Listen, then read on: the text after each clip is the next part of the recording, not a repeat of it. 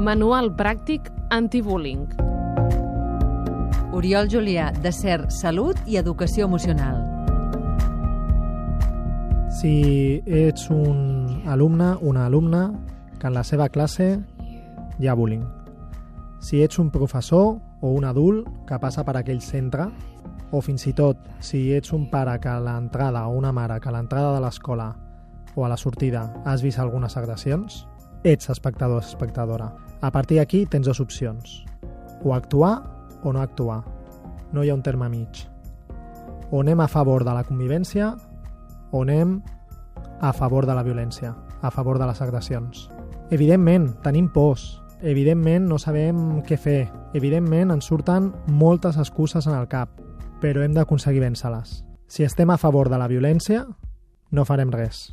Si estem a favor de la convivència, donarem recolzament a la persona que està en rol de víctima. Parlarem amb l'institut, parlarem amb l'escola, intentarem que hi hagin canvis. A vegades un no passa res, jo estic aquí ajudant-te, ja és fer molt.